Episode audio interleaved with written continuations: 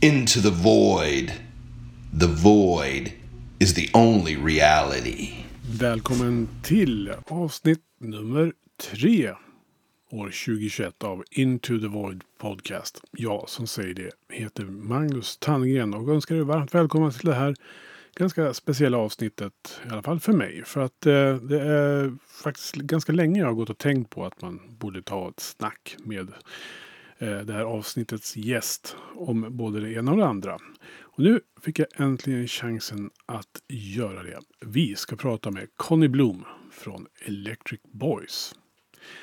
Först ska jag säga att ni hittar eh, den här podden på diverse sociala medier. Som Instagram och Facebook. Och där får ni gärna lämna en kommentar eller bara gilla det ni hör. Så blir jag jätte, jätteglad faktiskt. Kommentera alltså. Och säg vad ni tycker. Önska någonting. Får se vad vi kan göra. Med det sagt så ska vi kasta oss rakt in i intervjun med Conny Blom från Electric Boys. Nu aktuella med sin sjunde fullängdare Upside Down sedan debuten Funk Metal Carpet Ride som kom 89. Men Upside Down den släpps den 30 april och eh, det finns två singlar ute nu. Supergod och Tumbling Dominoes. Den sistnämnda är en fantastisk låt om ni frågar mig. Och den här intervjun ska jag säga också är ett samarbete med Slavestate.se. En av Sveriges mest långlivade eh, online-magasin som ni kan läsa om hård musik nästan varje dag med dagliga uppdateringar. Med intervjuer och recensioner. Slavestate.se alltså.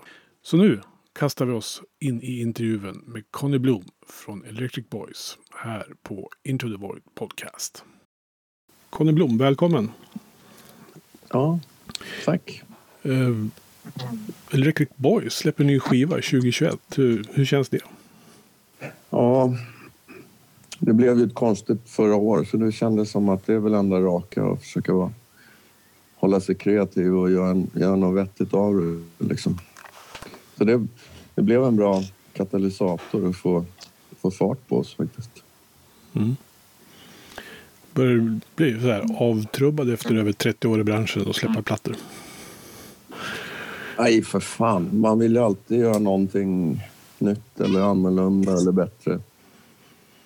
Ja, det tror jag aldrig man... Man hamnar nog aldrig där, tror jag. Nej. Det är ju, det är ju jävligt mycket liksom för en själv att man ska känna att, att man är, är kreativ och åstadkommer något som man, som man själv tycker är någon sorts ja, nytt eller någon förändring. Eller, och även om det inte är en förändring så känns det nytt för att det, för att det är nytt. Liksom. Mm. Jag har förstått det rätt som att det här är någon form av temaplatta, eller? Ja, det var ju inte det egentligen från början, men det var väl mest när vi satte ihop låtordningen sen som, som jag och basisten såg det som helt plötsligt, vad fan, det här är ju... Man skulle kunna säga att det är en koncept, liksom, ja, eller temaplatta. För de börjar med, med en instrumental och som är liksom som... Som är vårt sätt att försöka beskriva och hela skiten som har varit nu. Liksom hur man går ut nytt år och bara förra året sög, nu jävlar kör vi liksom 2020, nu blir det grymt. Mm. Och så kommer stora kraschen och sen ska man kravla sig upp ur den och ta sig vidare och med allt vad det innebär känslomässigt och allting så, så hela plattan börjar ju med en instrumental då på sju minuter eller vad det fan är som är det. Men sen, men sen eh, när man kollar tit eller texterna sen hur det går igenom plattan så hamnar de i en ganska i en sån ordning också som, som är lite så här från första reaktionen och sen vidare, hur man tar sig vidare och sen äh, vi skiter i det, vi kör vårt race, vi måste gå vidare och sen att det slutar med någon, någon, någon sorts hopp förhoppningsvis för att det kommer ju, det kommer ju bli bättre, men man vet bara inte när. Nej, precis. Jag blev lite så här förvånad när jag hörde första spåret där. Alltså just som du säger, sju minuter instrumental. Mm. Det var ju liksom inte riktigt vad man förväntar sig av en Electric Boys-platta. Ja, Nej, men det är väl lite det vi hoppades, eller vad jag ska säga. Alltså, det är lite tråkigt att bli att bli eller, eller vara för, för förutsägbar. Liksom. Och eh, sen när den låten kom till, det kändes som att redan från början, ja, den måste ju öppna plattan. Det fanns, vi kunde inte hitta vad man ska lägga den annars. Nej. Och mer som att det var- är ett tema, en, ett intro liksom till resten av plattan. Så. Ja, jag tycker det är en fantastisk öppning. Så att det, Ja, tack. Ja, men det är väl lite chanstagning. Man kan ju, det är olika hur man lyssnar på musik. En sån låt kanske kräver lite mer att man sätts in i det eller att man verkligen vill lyssna. Så här. Och sen finns det ju många som bara vill ha liksom att man går direkt. Ja, men vad heter det? Don't bore us, get to the chorus. Typ. ja. Det är lite olika lyssnande om man, om man vill ha. Men hur ser liksom hela den här låtskrivare och inspelningsprocessen ut för er som band? Låtskrivandet är väl, det är ju mest jag som skriver men, men det har ju alltid kommit lite låtar också från andra band och sådär. Och vi vi brukar väl inte sätta oss ner och, och bestämma att nu ska vi göra en platta så låter si eller så utan det, det handlar mer om att man hela tiden skriver eh, material och sen kör vi så här lyssningssessions, lyssnar igenom allting och ja, kolla vilka låtar man tycker är, är bäst och sådär. Och försöker få någon sorts helhet. Så att det... Ja, det är så det brukar vara. Och sen... Nu, nu har vi bytt gitarrist precis också, så Martin Tomander har ju kommit med som var med på tredje plattan Freewheeling och det har ju också påverkat såklart. För han och jag spelar gitarr på, på ett annat sätt än vad jag, jag och Franco gjorde. Så att, det har ju också påverkat. Och speciellt inspirationen också. Det är ju all, alltid kul med, med nytt blod eller vad man ska säga. Man förändrar dynamiken lite grann. ja. Ja, precis. Det, det blir lite så. Det blir liksom lite tyngre med Martin på något vis. Och sen att vi... Vi lirar ju lite ol... Alltså han, Martin och jag är nog mer lika som gitarrister. Jag skojar med någon och sa det är, som, det är mer som att ha Frank Marino och Jimi Hendrix i samma band. Jag menar inte att jämföra oss med dem så, men om man kollar på vad man kör med för grejer, liksom eh, fastbox och wah-wah-pedaler och grejer, så har vi, har vi ju eh, ett an, lite annat typ av sound sådär. Och sen vet jag inte om det... Nej, jag vet inte. Den är lite tyngre den här plattan än den förra och lite råare. Och det var det enda vi sa, att vi ville göra en platta som känns lite råare i produktionen och liret och så. För att den, för, den förra kändes som att den var ganska väl genomarbetad och välproddad och sådär. Och vi, vi kände nu att vi ville jobba fortare och, och ha lite mer edge i, i det.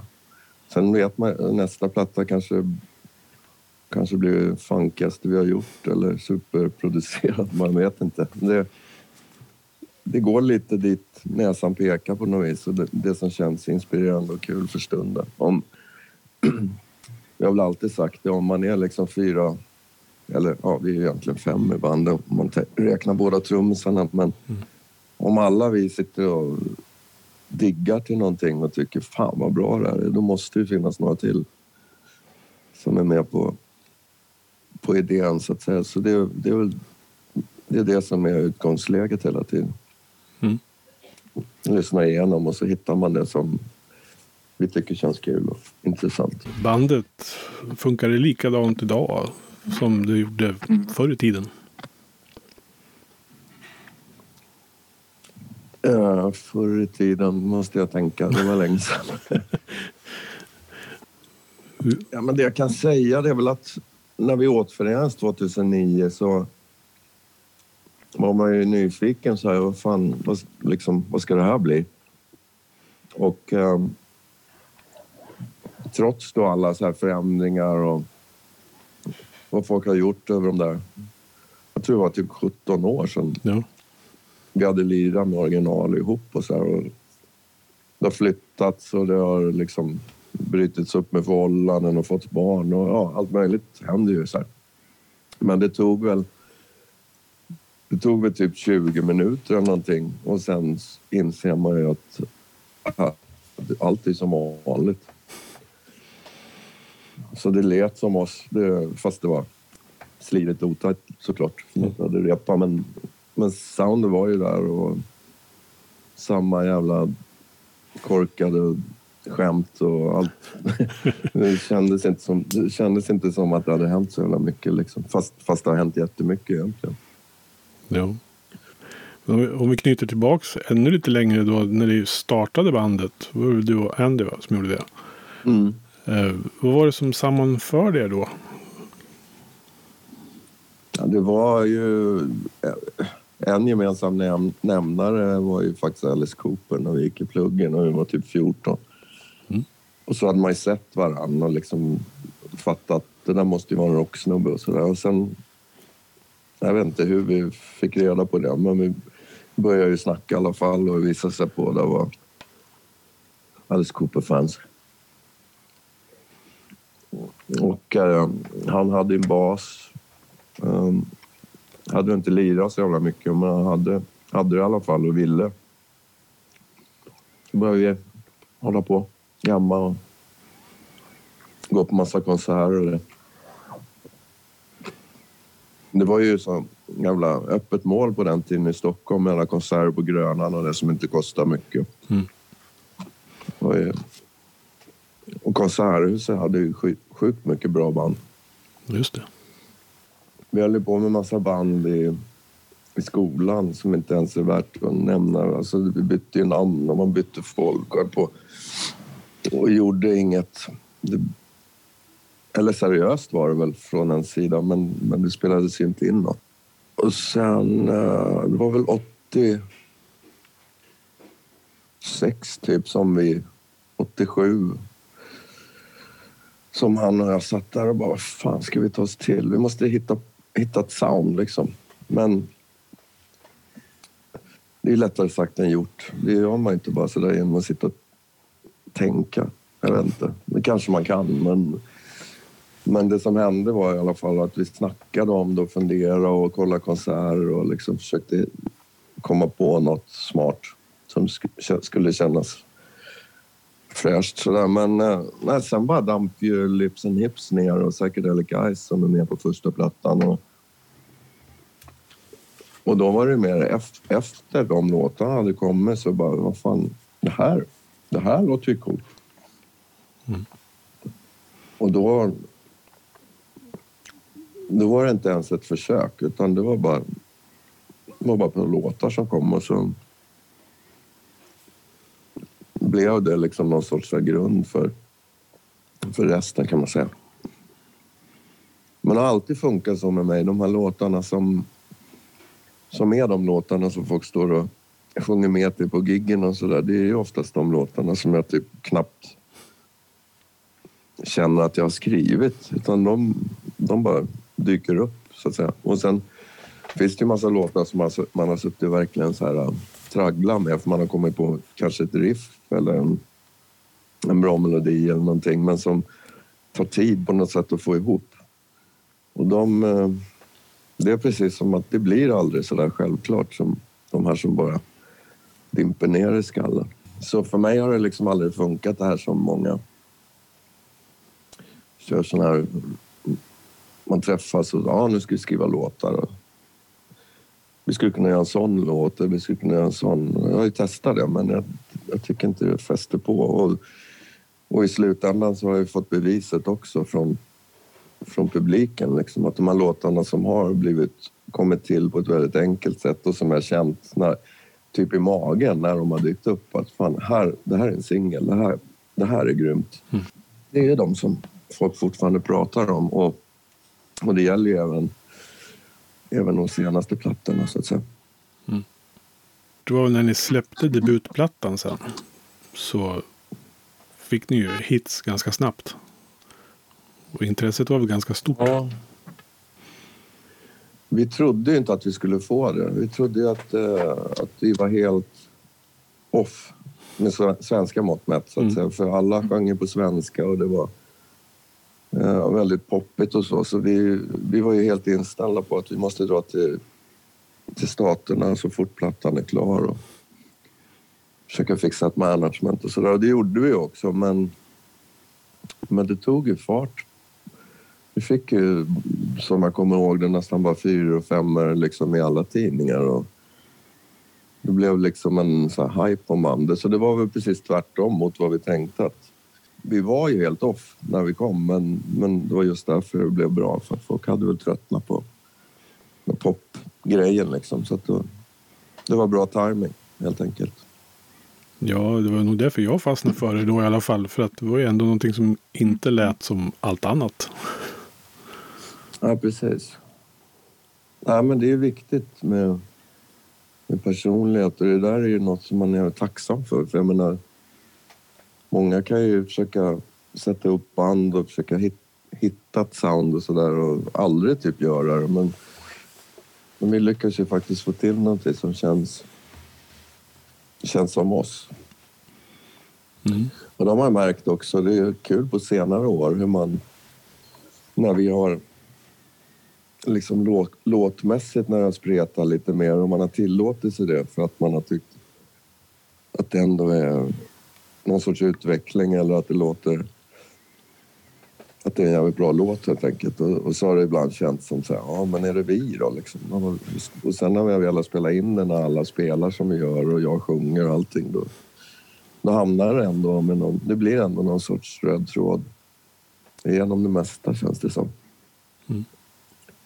Vilket jag tycker är kul, för man gillar ju så mycket olika musik och lyssnar på så mycket musik. Det, det, I vårt fall så, så skulle man tycka att det var tråkigt som sagt att bli för förutsägbar och sådär. Samtidigt som man, jag menar jag är den första att tycka AC/DC är världens bästa band och Status Quo när de var knarkande hippies på 70-talet. Jag älskar ju det och de banden vill man inte ska ändra på sig men om man går till sig själv så så känns det kul med utveckling så att säga. Vad, vad lärde du dig av den tiden så att säga som du har tagit med dig fram till idag? Ja, vad fan lärde man sig av det? Att man eh, inte behöver kasta ut sin i helvete med pengar på allting hela tiden. ja, men det var ju sådana tider. Det var ju helt bananas när man skulle spela in videos och så vidare.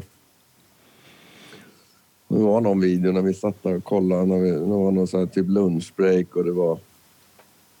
Eller någon paus i alla fall. Och det är ju, när man gör videos och spelar in film och det, det är så jävla mycket väntan liksom. Det ska flyttas på grejer och kopplas och så vidare. Så vi satt där på rad och så var det någon som sa vad fan gör alla de här människorna? Det var som att sitta och titta på en jävla myrstack liksom. Ja.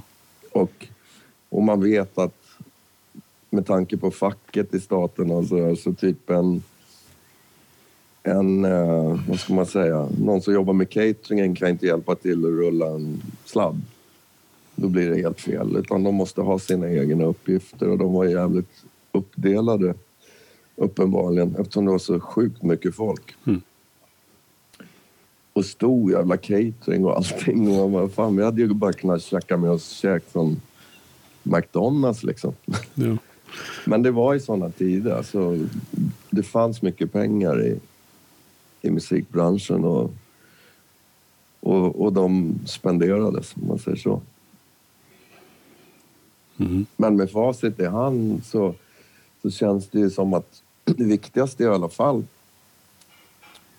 att det är en bra låt och att framträdandet är bra och att det är liksom... Eller att det finns en kul idé med en video eller... Ja, man måste, det måste inte, måste inte alltid bli så jävla dyrt för att det ska bli bra, om man säger. Mm. Så på ett sätt, så med tanke på hela det här som det har blivit med med att folk streamar musik och allt det där och liksom eh, hela ekonomi, ekonomiska situationen att den är så annorlunda. Men det har har ju också gjort att det har blivit mer som det var från början. När man behöver inte gå så långt tillbaka som, eh, som till bluesen liksom, när de blev lurade på inspelning och inte fick en spänn. Men jag menar, säg 50-talen när band höll på eh, när det inte fanns massa pengar och så. Men det handlar mer om liksom kvaliteten. Att det gäller att komma upp med något som förhoppningsvis är jävligt bra.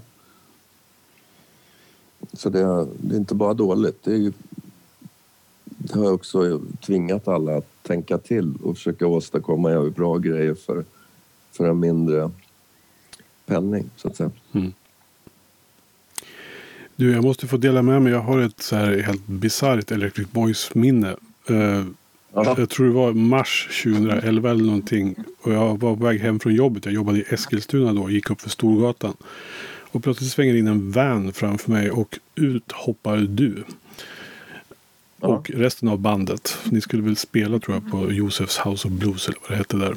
Helt plötsligt så rasar ut ett gäng rockstjärnor ur en skåpbil mitt framför en. Det kan vara ett av de största rock'n'roll-ögonblicken i mitt liv. Eh, Ja. Tycker du att det är kul fortfarande att vara på turné? Ja, men herregud, absolut. Mm. Jag tycker väl att det är... Vad ska man säga? Jo, jag tycker fan... Jag tänkte säga att det är själva giggen som är kul. Man kanske inte är lika intresserad av själva turnerandet, men...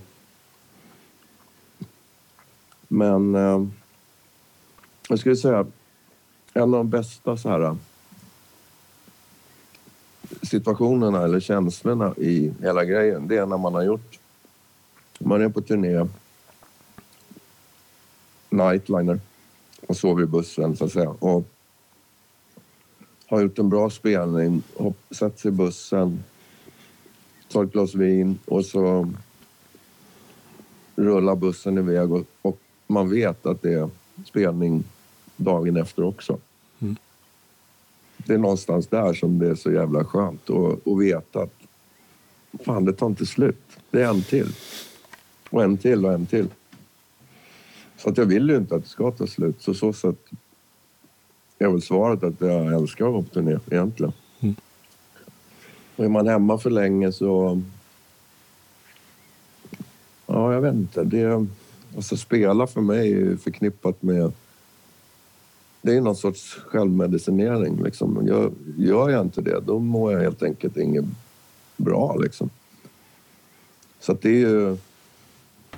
Det har ju inte att göra så mycket egentligen med hur många plattor man har släppt eller hur, hur många gig eller hur stora gig eller någonting. Utan det, det är som sagt bara någonting som försiggår för att, för att det måste försiggå.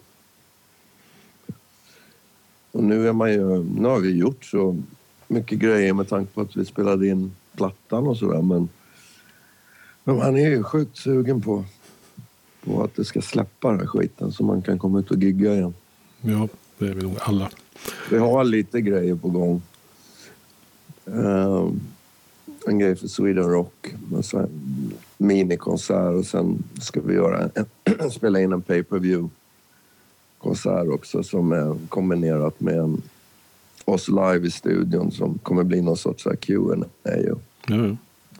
och sådär. Så att, och, och spela in en live-video eller performance-video för nästa singel och sådär. Så att det är ju lite grejer. Tiden går så fort också. Helt plötsligt så har fan den här sommaren gått också. Det, Men man, är, man, är, man börjar bli lite trött på det. ja, det är inte lika kul som att hoppa ut ur en van i Eskilstuna. Alltså. Ja, precis. Repar ni fortfarande alltså för att det är kul? Eller repar ni bara för att ni ska göra något? Jag skulle säga att man... Alla repar och spelar för sig för att det är kul. Men, men vi bor lite utspritt så det är inte som att vi bara liksom Nej. har flera dagar i veckan som är uppbokade för rep. Utan, utan det blir att man sammanstrålar och repar inför, inför saker. Men också, ja, i och för sig, när, eh, när Jolle kommer upp till stan eh, så brukar vi slänga in rep för att hålla igång det liksom. Men det blir mer fokus på när det är någonting på gång. Att man eh, repar mer intensivt då. Mm. Men, det är nog mest för att vi inte bor i samma stad. Mm. Hade vi gjort det så hade man nog haft några dagar i veckan när man lirar kontinuerligt. Bara för att det är kul liksom. Ja. Ja. Och testa nya låtidéer och så. ja. Eh, jag måste bara fråga, när liksom upptäckte du musik överhuvudtaget? Alltså rockmusik och så? Typ... Um, eller upptäckte, det gjorde jag ju jättetidigt egentligen. För det var ju alltid musik hem, i hemmet. Mina föräldrar lyssnade på eh, 50-talsrock och så här. Little Richard, Fats Domino, Chuck Berry och Stones och såna grejer. Och så morsans syrra som också bodde där. Vi var jävligt mycket folk. Gammelfarmor var där, mormor var där och morsan och morsans farsa och morfar. Och morsans syrra, hon lirar ju, hon älskar ju Beatles. Hon lirade ju Beatles hela tiden. Så när jag liksom började plugga och var sju, då kunde jag ju typ sjunga med till varenda Beatles-låt i princip. Bara för att det var så jävla bra. De är lite som ABBA. Det är så jävla bra melodier och enkla ord. Så att det, hör man det runt sig så är det omöjligt att det typ inte ska fastna. Jag fick ett tidigt intresse och, och gillade musik liksom. Mm. Men jag skulle säga när, när jag själv så här, verkligen gick igång. Det, det, det tror jag är när en, en snubbe i, i plugget... Eh, han hade en storebrorsa som, som ju många hade som låg några år före och hade koll på musik. Och det, och han, han kom dragandes med Ballroom Blitz med Sweet. Ja, just det. Och det kom jag, jag vet inte om liksom det var den första. Det kan ha varit... Jag kommer inte ihåg när den kom ut. Det kan ha varit Schools Out med Alice Cooper också. Men jag tror att just när jag hörde introt med trummorna och Are you ready Steve? Allt det där med Ballroom Blitz. Då, då verkligen reagerade jag och bara vad fan är det här? Hur ballt var inte det? Så där blev det någon sån här ändring. Då, då släppte jag liksom allt det där som lirades hemma och började hitta hitta musik själv. Så att säga. Och så köpte jag Alice Cooper Killer. Då var jag nio, vet jag. Mm. Och satt och lyssnade med hörlurar. Och... Så då var man helt fast från det, så att säga. Det där med att du hörde Beatles så mycket var förknutet tillbaka till det. Det kan, tycker jag är det därför man hör det ibland i er musik. Jag kan tycka att det finns lite. Beatles-spår ibland. Alltså. Ja, men det... är Konstigt vore annars, som sagt, med tanke på hur mycket jag hade det runt mig, så att säga. Ja. För mig är ju... När jag tänker pop eller liksom så här bra melodier så, tänk, så, så går det ju åt Beatles-hållet, eller vad jag ska säga. Den sortens så här 60-talspop och sådär. Ja. Det var någon jag snackade med om så här AOR. Melodic rock och allt vad... Ja, men Ja. liksom om man ska... Jag vet inte om det är någon skillnad på de två egentligen, men för mig är det liksom melodisk rock. Men det behöver inte för mig betyda alls samma sak, utan det kan ofta vara andra typer av melodier om man säger. Det känns mer som att vi, eh, vi står med vårt riffben i Hendrix eller Mountain eller en viss typ av riff och sen så har man eh, allt det här som man har med sig eh, av sväng från, inte bara funk som Betty Davis och Undisputed Truth och sånt utan, utan ju faktiskt det blev ju så mycket snack om att, vi, att det var funkigt och sådär men jag menar både Hendrix och Zeppelin, Purple och alla de här banden som man växte upp och verkligen diggade har ju massa låtar som är funkiga och jävligt grooviga. Så, så det i sig var ju inget nytt sådär. Come Taste the Band med Deep Purple till exempel är väl superfunky.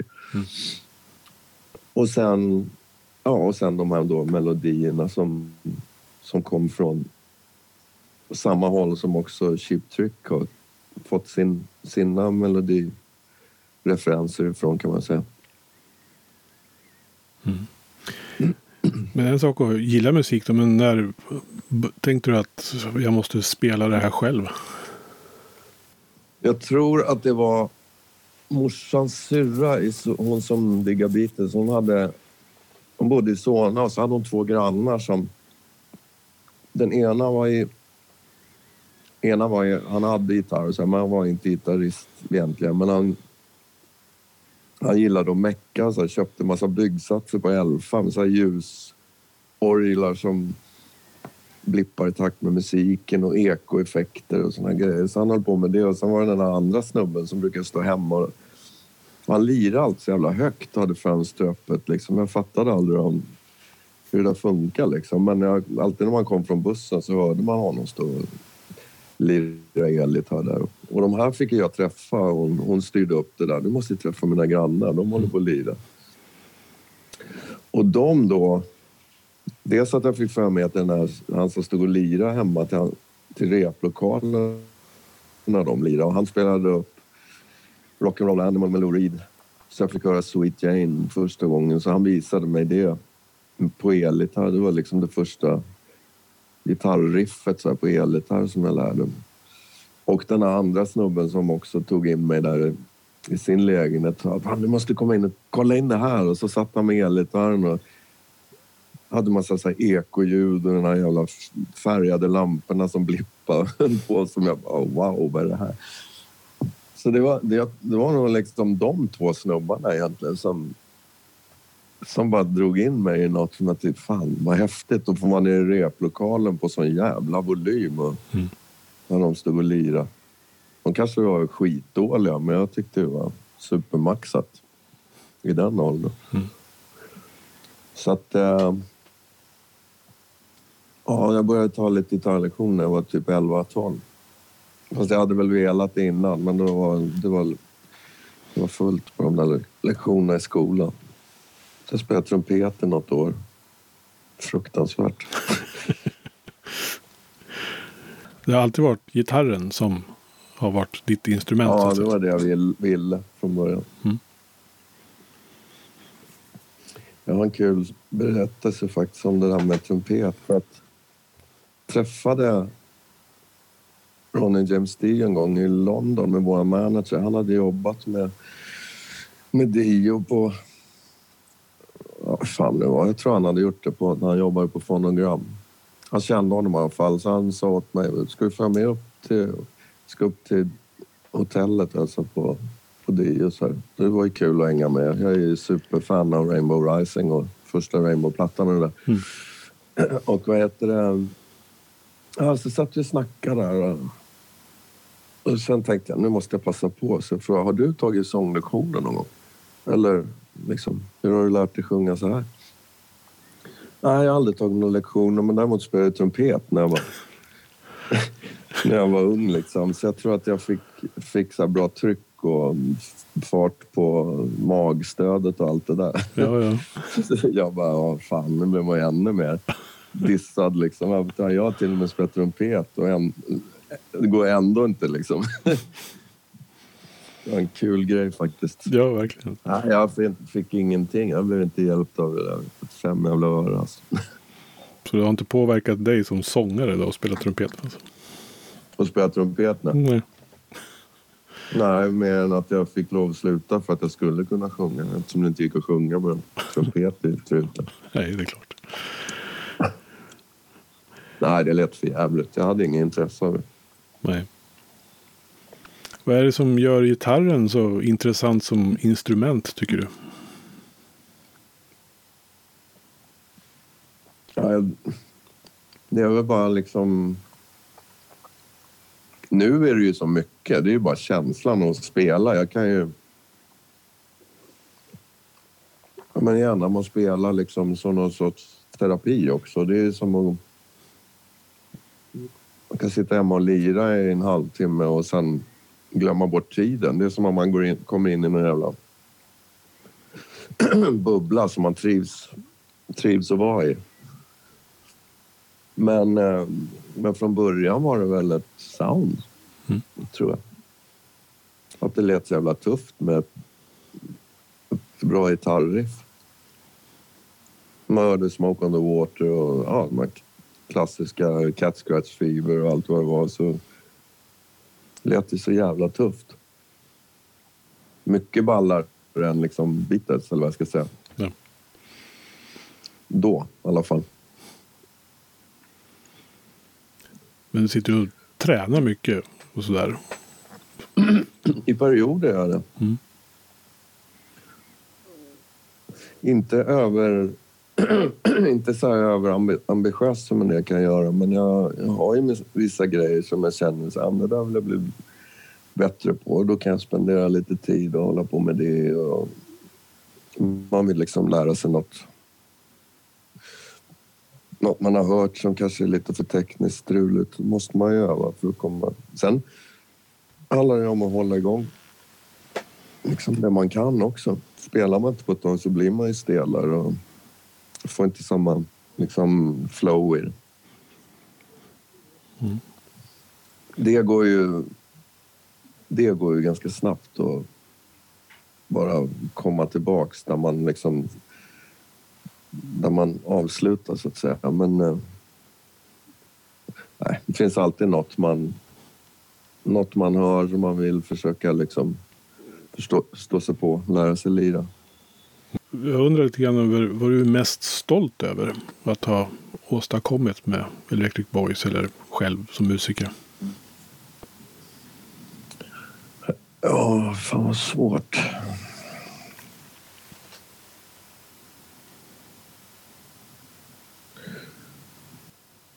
Ja, men jag tror att det är att man... Eh... det är en jävla bra fråga. Det är svårt att bara svara enkelt på det. Men, mm men jag, tycker att, jag tycker att vi har hållit, haft bra styrsel liksom på vad vi håller på med. Liksom. Att man, eh, jag tycker inte vi har släppt några skitplattor. Jag tycker inte vi har sålt oss. Vi har inte liksom varit där trendoroliga och gått och kollat och försökt följa efter. Och, utan vi har liksom kört. Vi har varit eh, liksom sanna till våra, vad, vi, vad vi gillar och vad vi är på något vis. Det, det tycker jag känns bra när man liksom tittar tillbaks på det. Och då spelar det heller ingen roll liksom, så länge man, så länge man är liksom true och, och gör det man själv tror på. Då kan, det, då kan man också ta... Eh, om, det in, om något inte blir så bra eller någonting. För man vet att man gjorde i alla fall det man liksom kände i magen. Att Nej, men det, så här ska vi göra, det här känns bäst. Än om man liksom hade så här, varit så här trendkänslig och försökt hitta något annat och så haka på något som någon annan lurar i en och sen och sen stå efteråt och bara fan, gjorde vi? Nej, vad pinsamt. Så det, det är ganska viktigt tycker jag att man eh, ja, följer magkänslan. Det är, ändå en, det är ändå en själv som får sota för det i slutändan och ta, ta till sig det goda också men liksom det är ingen jävel som tackar en i slutändan bara för att man har liksom följt några trender eller ändrat någonting liksom. Och intervjun med Conny Bloom och Electric Boys är gjord i samarbete med Slavestate.se som sagt. Den nya plattan Upside Down som släpps den 30 april alltså. Så håll utkik efter den. Fantastisk skiva. Faktiskt, om ni frågar mig. Tack för att du har lyssnat. Hey, I met you. You are not cool. I know. Even when I thought I was, I knew I wasn't. Because we are uncool. I'm glad you were home. I'm always home. I'm uncool. Me too. You're doing great. Know, the only true currency in this bankrupt world is what you share with someone else when